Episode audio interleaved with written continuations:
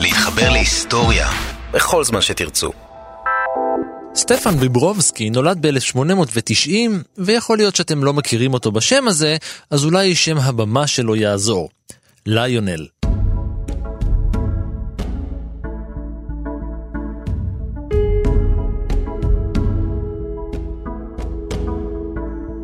כיוון שכל גופו היה מכוסה שיער, ולא סתם שיער, שיער ארוך, הוא נראה כמו אריה. על כן דבק בו הכינוי איש פני ארי, או ליונל, בקיצור. אין פלא שסטפן היה אחד מהמופיעים המרכזיים בקרקס הנודע בעולם, קרקס ברנום וביילי. ביברובסקי נולד בביאלסק בפולין, כשאת כל שטח גופו מכסות שערות באורך שני סנטימטרים וחצי. מדובר ככל הנראה בתסמונת נדירה בשם היפרטריקוזיס. אמו, בנדיקט, תלתה את אשמת הפרווה של בנה במותו של אביו, מיכאל. כשהייתה בהיריון עם סטפן, הייתה עדה למקרה הנורא בעטיו נאכל האב על ידי אריה.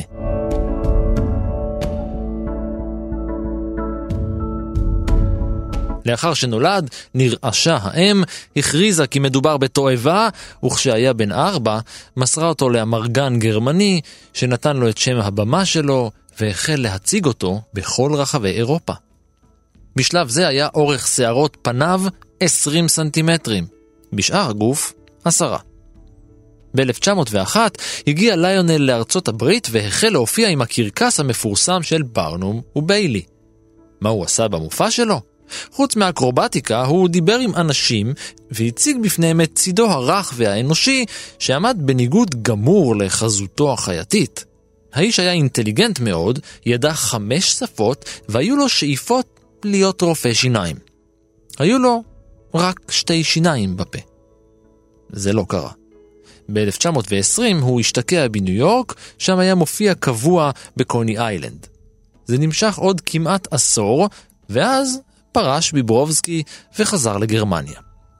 הוא מת בברלין בשנת 1932 מהתקף לב בגיל 41, ומקום קבורתו לא נודע. אומני קרקס היו עניין רציני בתחילת המאה ה-20. לוליינים, ליצנים, גמדים, נשים עם זקן, ענקים, מעוותים, כל מוזרי החברה והחריגים התקבצו תחת אוהל אחד לטובת מופע נודד ענק. אחד מהם היה מריו פורטינו אלפונסו מורנוס רייס, והוא אפילו זכה בפרס גלובוס הזהב וקיבל כוכב על מדרכת הוליווד.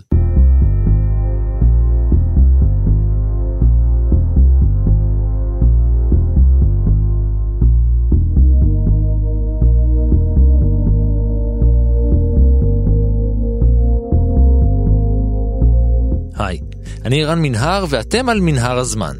מדי פרק אנחנו מספרים לכם על מקרה שקרה בעבר מזווית שכנראה עוד לא הכרתם. הפעם אנחנו מבלים במקסיקו, באחת הערים הצפופות בעולם, מקסיקו סיטי.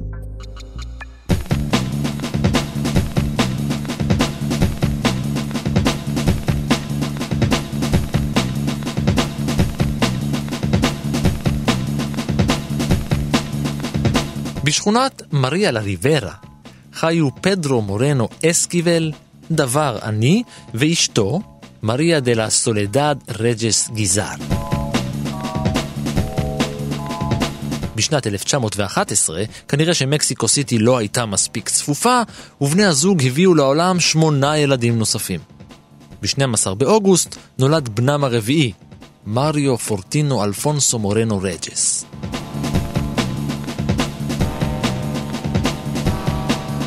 המאה ה-20 או... זו תקופה של אה, שינויים במקסיקו בכלל ובמקסיקו סיטי בפרט. אתה יכול להגיד באופן כללי, למרות שהרבה מהציבור לא הרגיש את זה, שהתחילו לנשב רוחות של ליברליזם. זהו רון פוגל, מרצה בחוג הבינתחומי לתרבות וקולנוע באוניברסיטת חיפה ומבקר הקולנוע של תאגיד השידור הישראלי.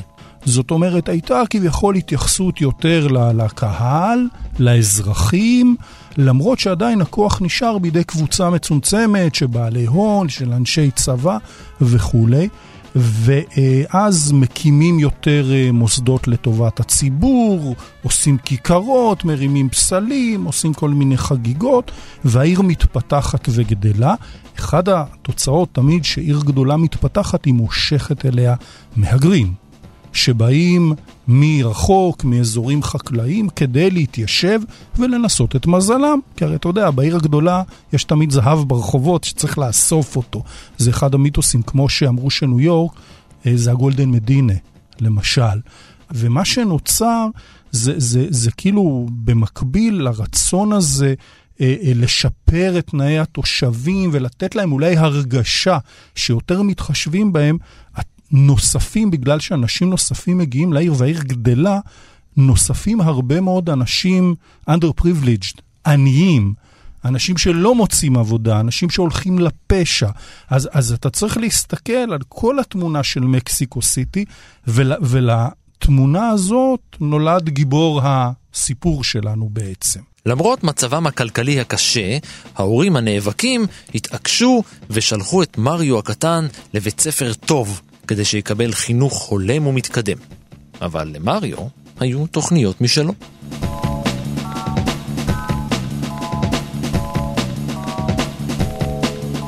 הרבה מאוד אנשים שלא הייתה להם עבודה והיו הומלסים, הסתובבו ברחוב ולא היה להם מה לעשות.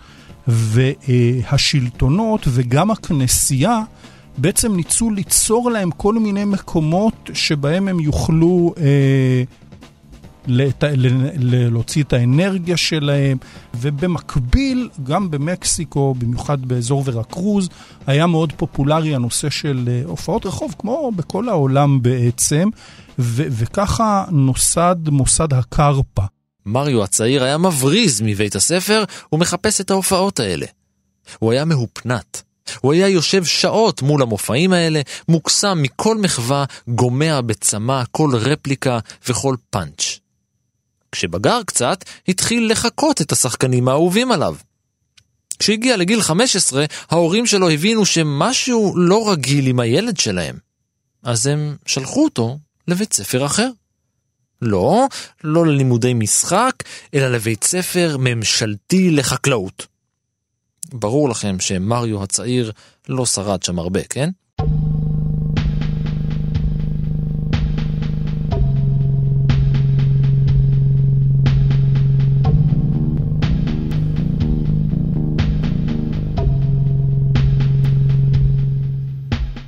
תוך תשעה חודשים הוא לקח את עצמו וברח. רחוק, למקום בו ההורים שלו לא ימצאו אותו, לחלפה, על חוף האוקיינוס השקט.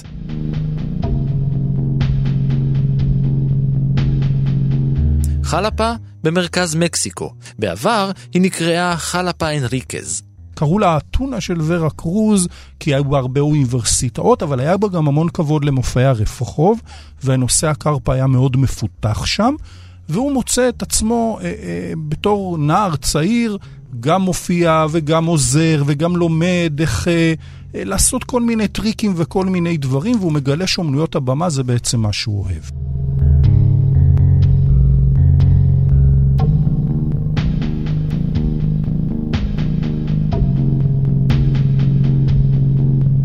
וכאן, בעיר הענקית הזאת, מריו עשה את הצעד המשמעותי ביותר בחייו. זה שיקבע את כל עתידו מאותו הרגע ועד סוף ימיו. הוא הצטרף לקרפה.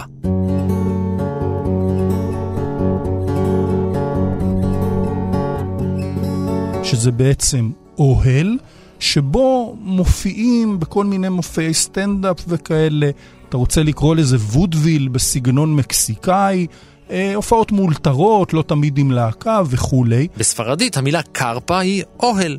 ובמקסיקו ובחלקים מסוימים בדרומה של ארצות הברית בשנות ה-20 וה-30, המונח הזה דבק בתיאטראות נודדים, שהיו מציגים תחת אוהלים.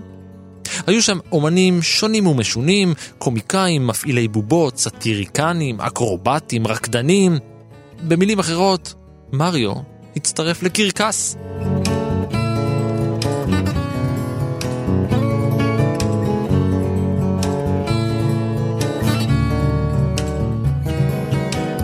הקרפה התחילה בתיאטרון עונתי בסוף המאה ה-19, מיום המתים ב-1 בנובמבר ועד חג המולד. במחשבה שלי, שאתה, שמי שמכיר את התרבות המערבית, אז אתה תמיד חושב על כל הפריק שואוז למיניהם שהיו הולכים ליד הקרקס. והיו כאילו ה... בפחות יוקרתיים, פחות שואו-אופים ויותר ככה ממש לחבר'ה. זה אם אני קצת חושב על זה במושגים שאני פחות או יותר מכיר.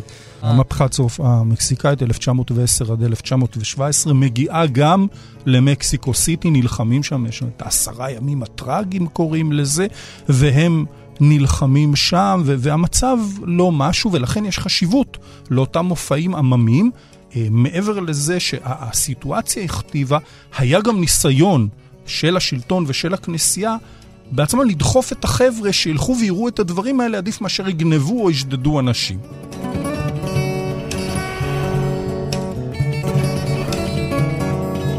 מריו בן ה-16 הגשים חלום.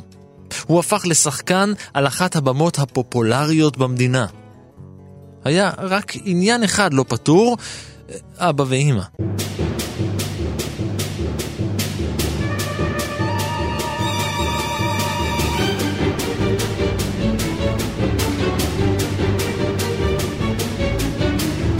היה לו ברור שהם לא יאשרו לו להשתתף בקרקס. הרי הם שלחו אותו ללמוד חקלאות. לכן, הוא היה צריך להיעלם.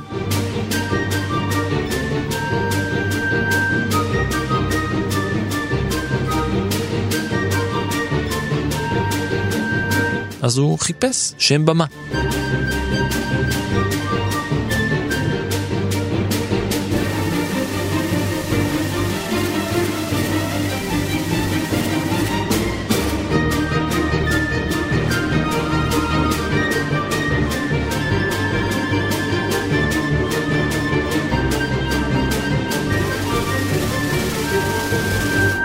מכירים את אלה שמגיעים להופעות ורק מפריעים?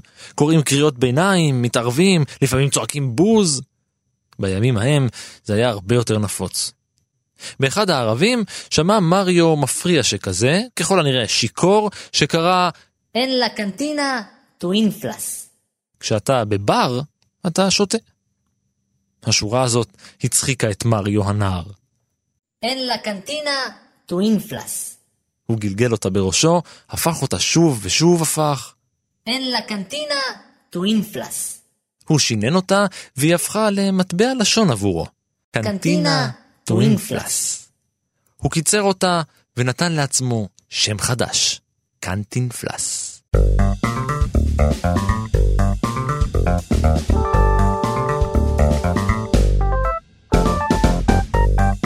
השם הזה בעצמו יהפוך למטבע לשון, במקסיקו בעיקר.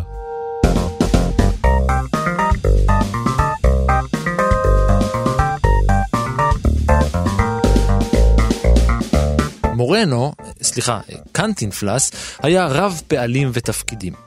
הוא החל דווקא כרקדן.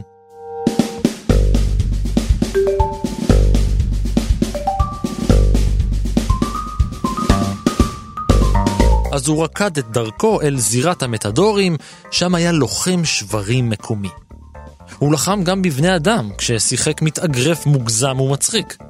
האיש היה אחד השחקנים המצחיקולים. אבל היו כמוהו עוד הרבה.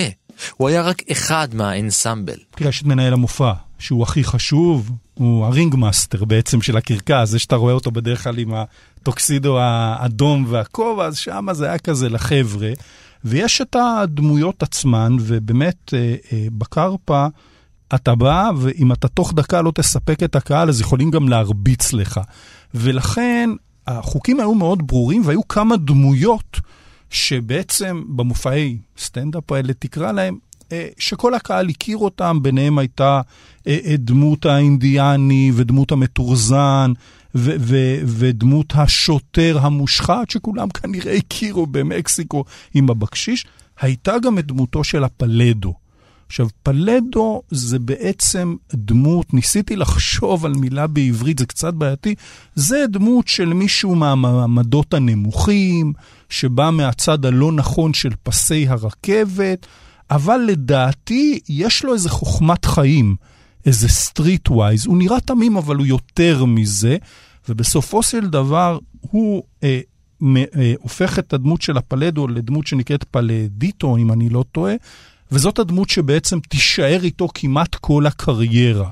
אה, אם אתה זוכר, את הדמות של אלי יצפן, שהוא אומר 50 שקל יקר לי, וזה כאילו תמים כזה וזה, אבל בעצם מנסה להוריד את המחיר, ו- וזה חלק מהדברים שקנטינפלס יעשה לכל אורך הקריירה, וזה גם לכן הביטוי קנטינפלס זה כאילו לדבר איתך שטויות ואתה כאילו לא מבין, אבל הוא מתחמן אותך תוך כדי. באחד הערבים, מנהל המופע, המנחה הראשי, נאלץ להיעדר.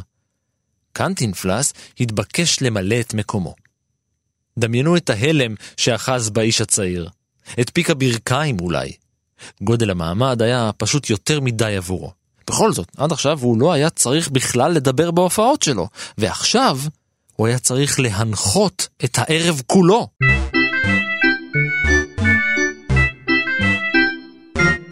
הערב הגדול הגיע, האורות נדלקו, וקנטינפלס נזרק אל הבמה.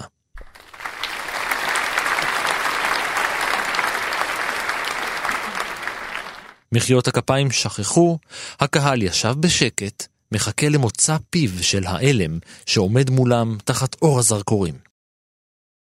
קנטינפלס היה מתוח, לחוץ, הוא היה דרוך, כל כך דרוך שהוא שכח את כל מה שידע. ממש, הוא שכח אפילו איך לדבר.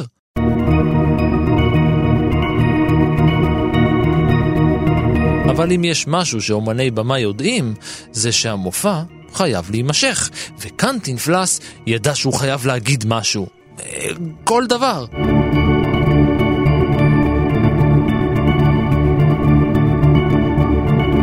אז הוא אמר את הדבר הראשון שעלה לו לראש. זה היה ג'יבריש. פשוט גיבוב חסר משמעות של הברות. כדי לנסות ולתקן את הפדיחה, הוא אמר עוד משהו, אבל גם זה היה גמגום מטופש ללא פשר.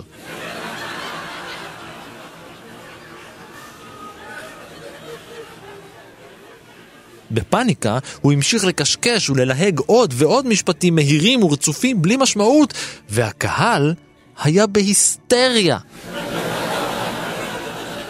הם היו בטוחים שזה חלק מהמופע, שזה קטע שלו, והם גאו מצחוק.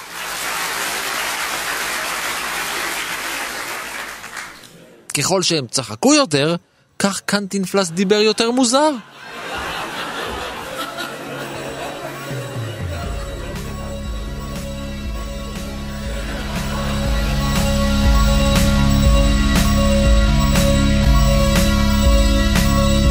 הוא לא אגרסיבי, לא אלים, הוא כאילו דביל, אבל הוא בעצם מאוד מאוד מתוחכם. זה, זה, זה חוכמת רחוב כזאת. הוא שיחק את האיש בעל חוכמת הרחוב, וכמובן שהקהל מאוד הזדהה איתו.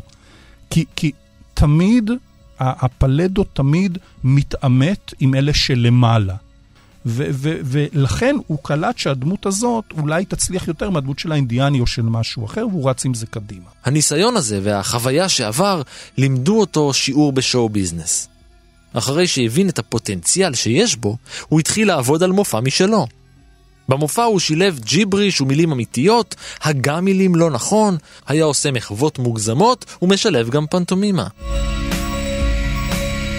בקיצור, כל מה שהוא היה טוב בו.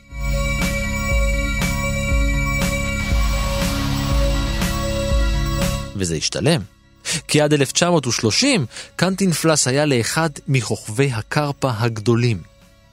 הוא הופיע בכמה וכמה אוהלי קרפה שונים במשך חמש שנים, הוא רקד, ביצע תרגילי אקרובטיקה וגילם דמויות שונות. הוא ניסה לחקות את הקומיקאי אל ג'ונסון האמריקאי. אבל ראה שזה פחות הולך והלך לכיוונים שלו, ואתה יודע, זה, דרך אגב, אה, באותה תקופה הוא כבר היה פופולרי גם מחוץ למקסיקו, גם בכלל בלט... באמריקה הלטינית, אבל, ואנחנו נראה את זה בעצם עד סוף הקריירה שלו, מעבר לאמריקה הלטינית הוא כמעט, הוא לא הצליח לפרוץ. עדיין באותה תקופה שאין אינטרנט ואין כזאת מוביליות ו- וכולי, אה, הוא היה כוכב גדול במקום שלו, במקסיקו, באמריקה הלטינית, וזהו. פחות או יותר.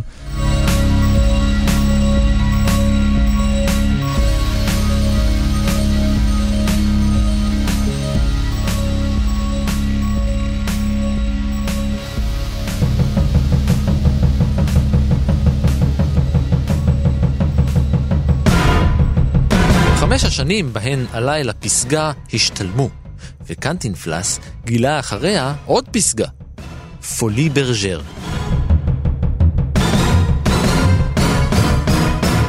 הוא הצטרף למופע המפורסם בעולם, מופע קברט צבעוני, מרהיב ומשוגע, שהחל על הבימות בפריז, ושטף את כל העולם המערבי בימים ההם. מהפסגה הזאת ראה קנטינפלס עוד פסגה, וב-1935 הוא לא הסתפק ויצא לכבוש גם אותה. הוא השתתף לראשונה בחייו בסרט קולנוע. זה קרה בסרט "נו תאנגניאס קורסון". אל תרמה את הלב שלך.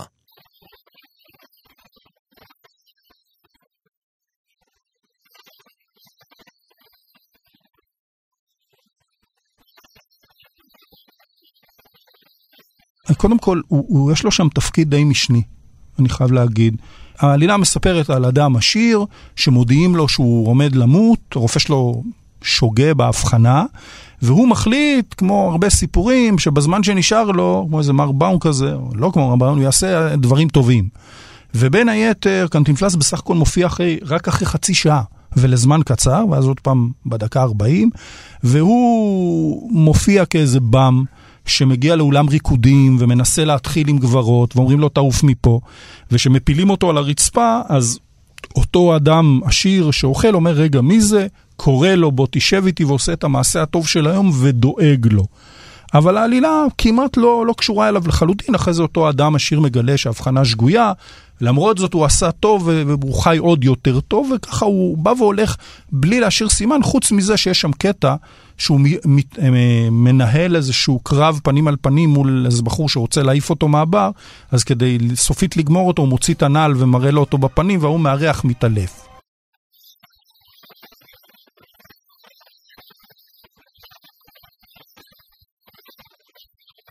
אם אפשר להגיד שהסרט קיבל ביקורות שליליות, זה היה טוב.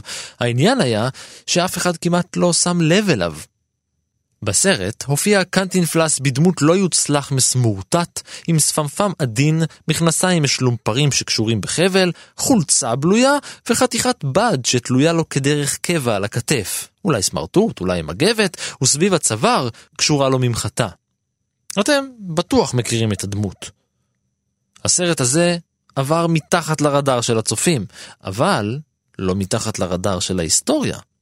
מיד לאחר מכן פגש קנטינפלס את המפיק סנטיאגו ריאצ'י, וב-1939 השניים הקימו חברת סרטים משלהם, סרטי פוסטה.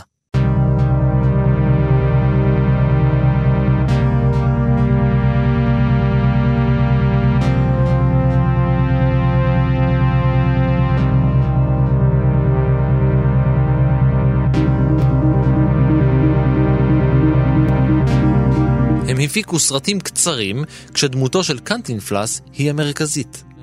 קצרים, הכל מה שרץ, אתה יודע, כאלה, ליומיות נקרא לזה ככה. לעשות הרבה כסף ומהר.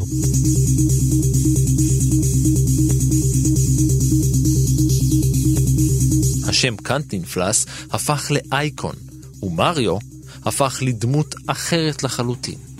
הוא היה קנטינפלס.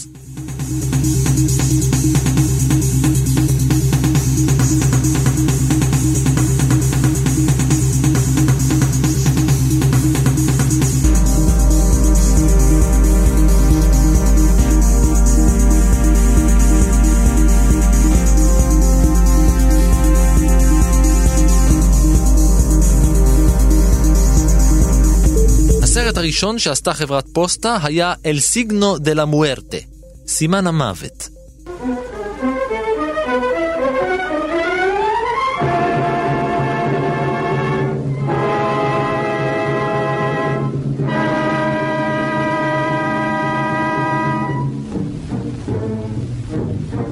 Uh, הפעם זה סרט, תקרא לזה דרמה שנוגעת בהיסטוריה.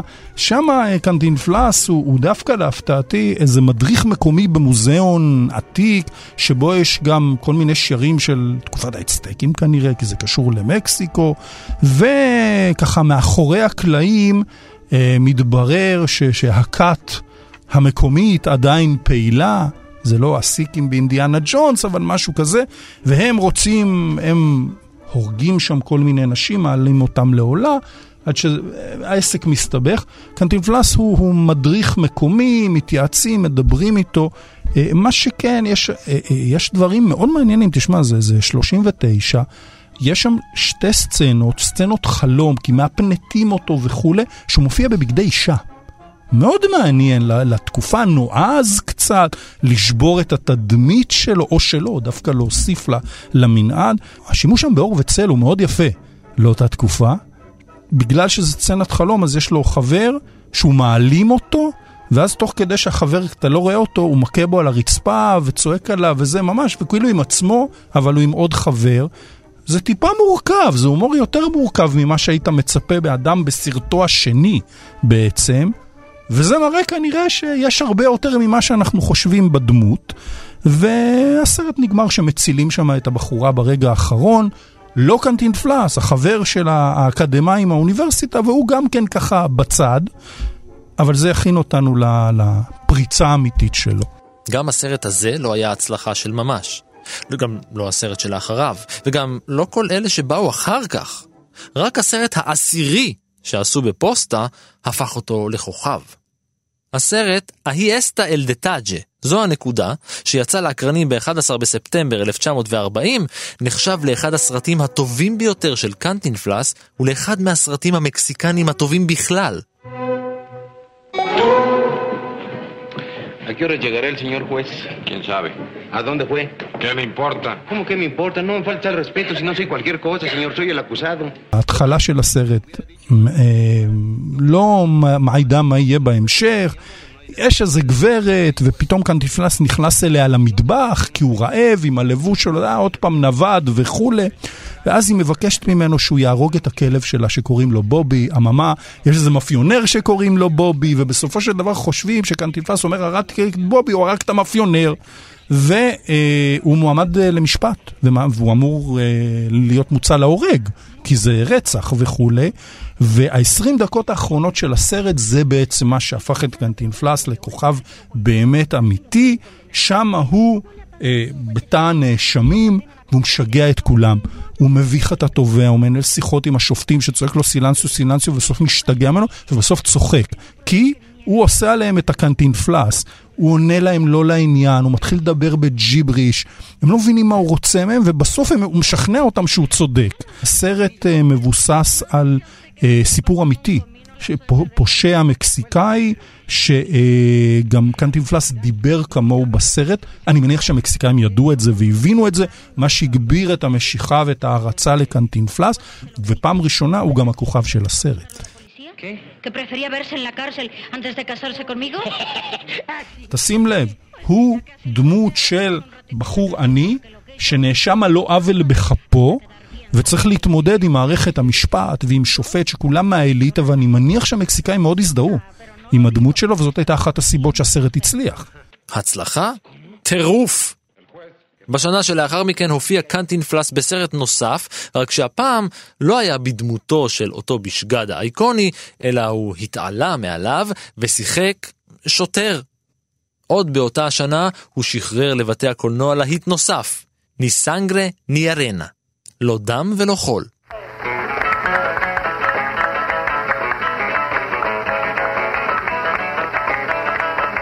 הסרט שבר את שיאי מכירות הכרטיסים של סרט מקסיקני בכל המדינות הדוברות ספרדית.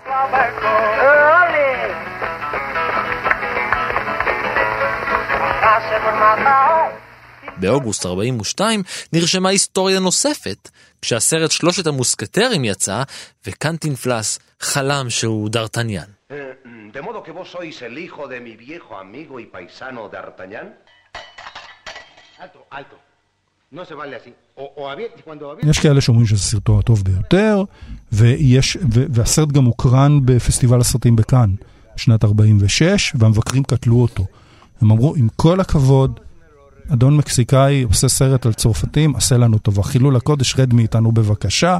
ראיתי את הסרט, אה, קשה להגיד שיש שם איזה משהו יוצא דופן. יש שם סצנה יפה שבה הוא רוקד, כמו לוחם שברים, ועושה את זה בחינניות. יש סצנה שהוא מת, אה, מסייף מאוד בכיף, הוא קומיקאי, רואים את זה, הוא רק תן לו... יש לך תמיד את ההרגשה איתו שהוא תמיד קורץ, הוא תמיד מחכה להתפרץ. וזה נורא יפה, אתה רואה שהוא הרבה פעמים כאילו מחז... מחזיקים אותו. עכשיו, יש שם קטע נורא יפה שמדגים את הקנטינפלסיות בזה שהוא וחבריו בכלא. הם, אה, משתחרר, הם, הם משתחררים, מוצאים איזה מחרוזת של איזה גברת, ואז היא אומרת להם, וואלה, אני רוצה לתת לכם פיצוי, בואו תהיו ניצבים בסרט שאני משחקת בו. ככה זה כאילו הם מגיעים לסרט, הוא מסתובב לו כניצב, והוא רואה איזה מישהו מסתובב, אז הוא אומר לו, מי אתה? אני העוזר. אז הוא אומר לו, עוזר של מי? עוזר של הבמאי. איזה במאי? הבמאי של הסרט. איזה סרט? הסרט שמפיק האולפן. איזה אולפן? בשלב זה העוזר במאי אומר לו, עשה לי טובה, אתה ניצב, עוף לי.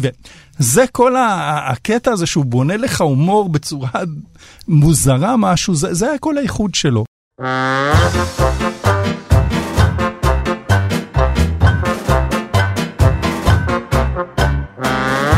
סרטי פוסטה החלו להפיק סרט או שניים בשנה. ברובם כיכב קנטינפלס. זה היה כל כך טבעי שההצעה מהוליווד תגיע. והיא הגיעה. It's a wonderful world if you'll only take the time to go around it. Are you formally challenging me to undertake a journey around the world in 80 days? בשנת 56 הוצע למריו תפקיד חלומי. לככב לצידו של דיוויד ניבן בעיבוד לקולנוע של הספר מסביב לעולם ב-80 יום. ניבן היה פיליאס פוג. מריו, פספרטו.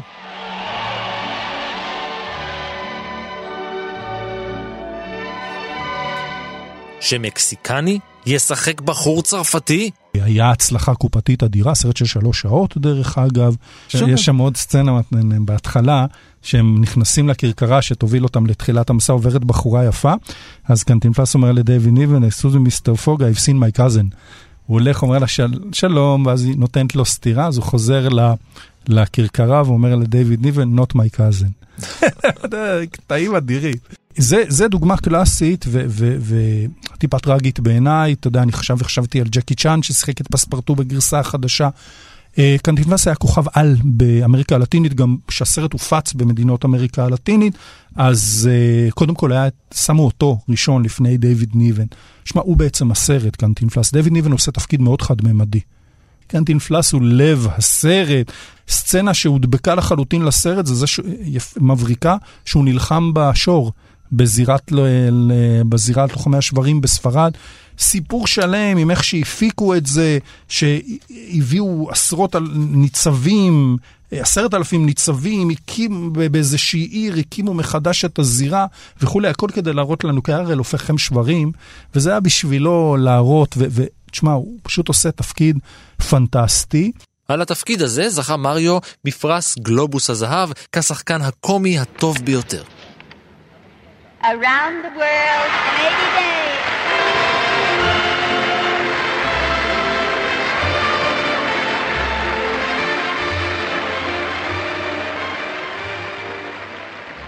טורנדו ההצלחה המשיך לסחרר אותו, והוא הסכים לעוד סרט הוליוודי, פפה. דו, רה, מי. דו, רה, מי. גוד. נאו, דו, דו. דו, דו. Réré Guégué Non, non, pas Guégué. Non, pas, pas Guégué. Non, non, non, non, vous me dites, vous me dites Guégué. Oh, mais oui, là, là. Je vous dis de dire Réré. Quoi, ah, Réré, oui, oui. Dodo Dodo Réré Réré Mimi. Mimi. Bravo, you've got it. You got it. I got it. What I got? Mimi. Mimi? למרות שהסרט לא הצליח, קנטינפלס היה מועמד לפרס גלובוס הזהב, וקיבל כוכב בשדרת הכוכבים בהוליווד. גם בהצלחה האדירה הזאת, הוא, הוא לא מצליח לשבור את הקיר של הוליווד, זאת אומרת, זה one hit הצלחה אחת בסרט וגם בספר, הוא ה sidekick. ואני אומר לך שהגיע לו תפקיד ראשי בסרט הוליוודי, וזה לא קרה. מה שאומר שהוא, אתה יודע, big in Japan, הוא היה ענק, אולי אחד הכי גדולים של מקסיקו, אבל בהוליווד, מעבר לסרט הזה, הוא לא הצליח. והיום אה, זה מעורר בהרהורים נוגים על המחסום השפה וה, והמחסום, ועל הגזענות של הוליווד. במקסיקו הוא המשיך להוציא עוד ועוד סרטים במהלך כל שנות ה-60. ב-69 הוא הופיע בעוד סרט הוליוודי. בסך הכל, עד אמצע שנות ה-80, הופיע קנטינפלס ביותר מ-45 סרטים ובכמה וכמה הפקות תיאטרון. צ'רלי צ'פלין אמר עליו שהוא הקומיקאי הטוב ביותר בדורו. אכן. והגיע לו, תשמע, הוא היה באמת שחקן אדיר. שלקח דמות די פשוטה, בוא נגיד, מהקרקסים, והפך אותה, תשמע, אני, אני קראתי הרבה, ו- ויש uh, כל מיני מלומדים מקסיקאים ולא, שאומרים שכדי ללמוד את המקסיקאי האמיתי, אתה צריך ללמוד את הדמות של אותו פלדו, של הדמות שקנטינפלס גילם, שאתה רואה בעצם את, ה, את מקסיקו במעבר מהמסורתיות לחדשנות, ואת הכל מלבישים על הדמות שלו בלי בושה. כך שהוא באמת אייקון ללא ספק ודמות חשובה. Uh, are you, um, are you well known in motion pictures? Oui. Uh, have you made a picture that is about to open in New York? Niet. Niet. Two down, eight to go, Mr. Bishop. Was the answer no? That right. Mm-hmm. Is it is it Cantinflas? Yes. Pepe? המילה קנטינפלר הפכה למטבע לשון, והיא משמשת לתיאור מישהו שמדבר ומדבר, אבל בעצם לא אומר כלום. המילה הפכה כל כך פופולרית בספרדית, שמילונים החלו לקטלג אותה כמילה רשמית עוד כשהיה קנטינפלס בחיים.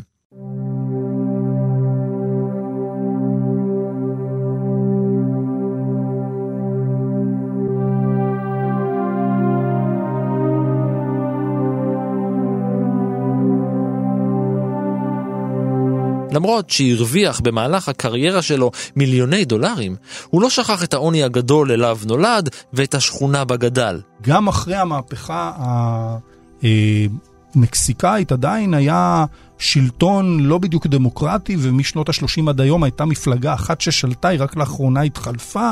ולא היה פשוט מבחינת זכויות במקסיקו, ותמיד הוא היה Champion of the Underprivileged. הוא בעצם חי את משהו, משהו, ההתמודדות שלו בסרטים עם אלה שמעליו, המאבק הזה, הוא המשיך אותו גם בחיים שלו, שזה מאוד יפה, הוא לא היה חייב. לאורך כל שנות ההצלחה שלו, הוא תמך תרם ועזר לשקם את השכונות העניות ביותר במקסיקו סיטי, קלקל מכיסו הפרטי 250 משפחות ודאג לבניית עשרות דירות במחירים נמוכים. הערכות מדברות, בכסף של אז, על תרומות של כמעט 200 אלף דולר.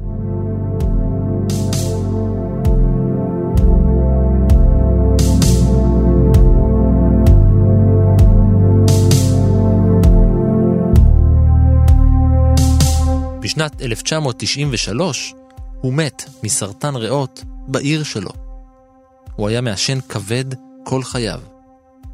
ההלוויה שלו הוכרזה כאירוע לאומי ונמשכה שלושה ימים. כי הוא היה הגיבור העממי בה"א הידיעה של, של המקסיקאים, אפשר להגיד.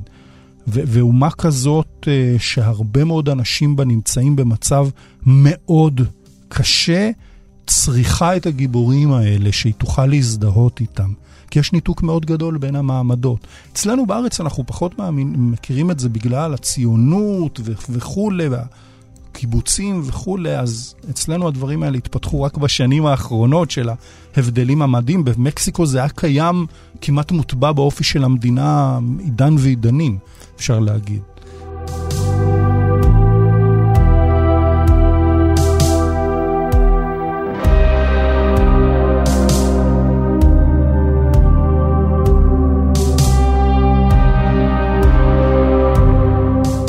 למרות הגשם הכבד שירד באותו הזמן, אלפי אנשים השתתפו בטקס ההשכבה, וגם הסנאט האמריקאי התייחד עם זכרו בדקת דומייה.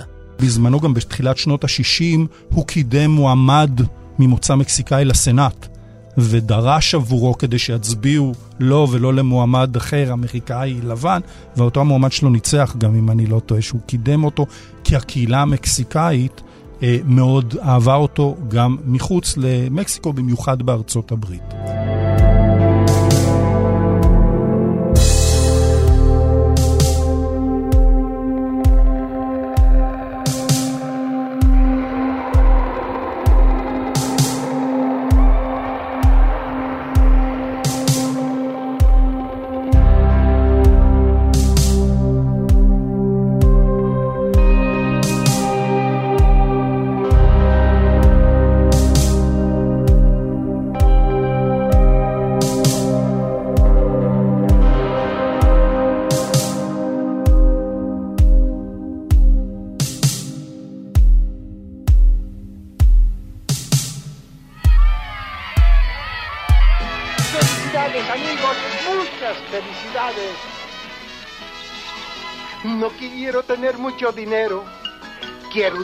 En que reine la amistad. No quiero ser un héroe del deporte. Tan solo tu amigo de verdad. ¿Cómo estás, amigo? ¿Cómo estás? No quiero ser actor de la pantalla, ni un castillo que deba defender. No quiero convertirme en presidente, tan solo tu amigo quiero ser. Tu amigo, tan solo quiero ser. Es la mera verdad, amigos. קנטינפלס y sus amigos. ועד כאן מנהר הזמן להפעם. תודה לרון פוגל, תודה גם לאור מנהר שהיה מועמד לפרס ההפקה, ולניר גורלי שקיבל כוכב בשדרת האורחים. מנהר הזמן משודרת מדי שבוע בימי שני בשעה 4 ברשת כאן תרבות. כל הסיפורים זמינים תמיד באתר שלנו, באפליקציה כאן אודי, בכל אפליקציה של פודקאסטים שאתם אוהבים, וגם בספוטיפיי. כנסו, זה ממש ממש מגניב. אתם מוזמנים לעקוב אחריי ברשתות החברתיות, להגיב, להציע רעיונות, ובעיקר להתחבר. אני ערן מנהר, נשוב וניפגש בפרק הבא.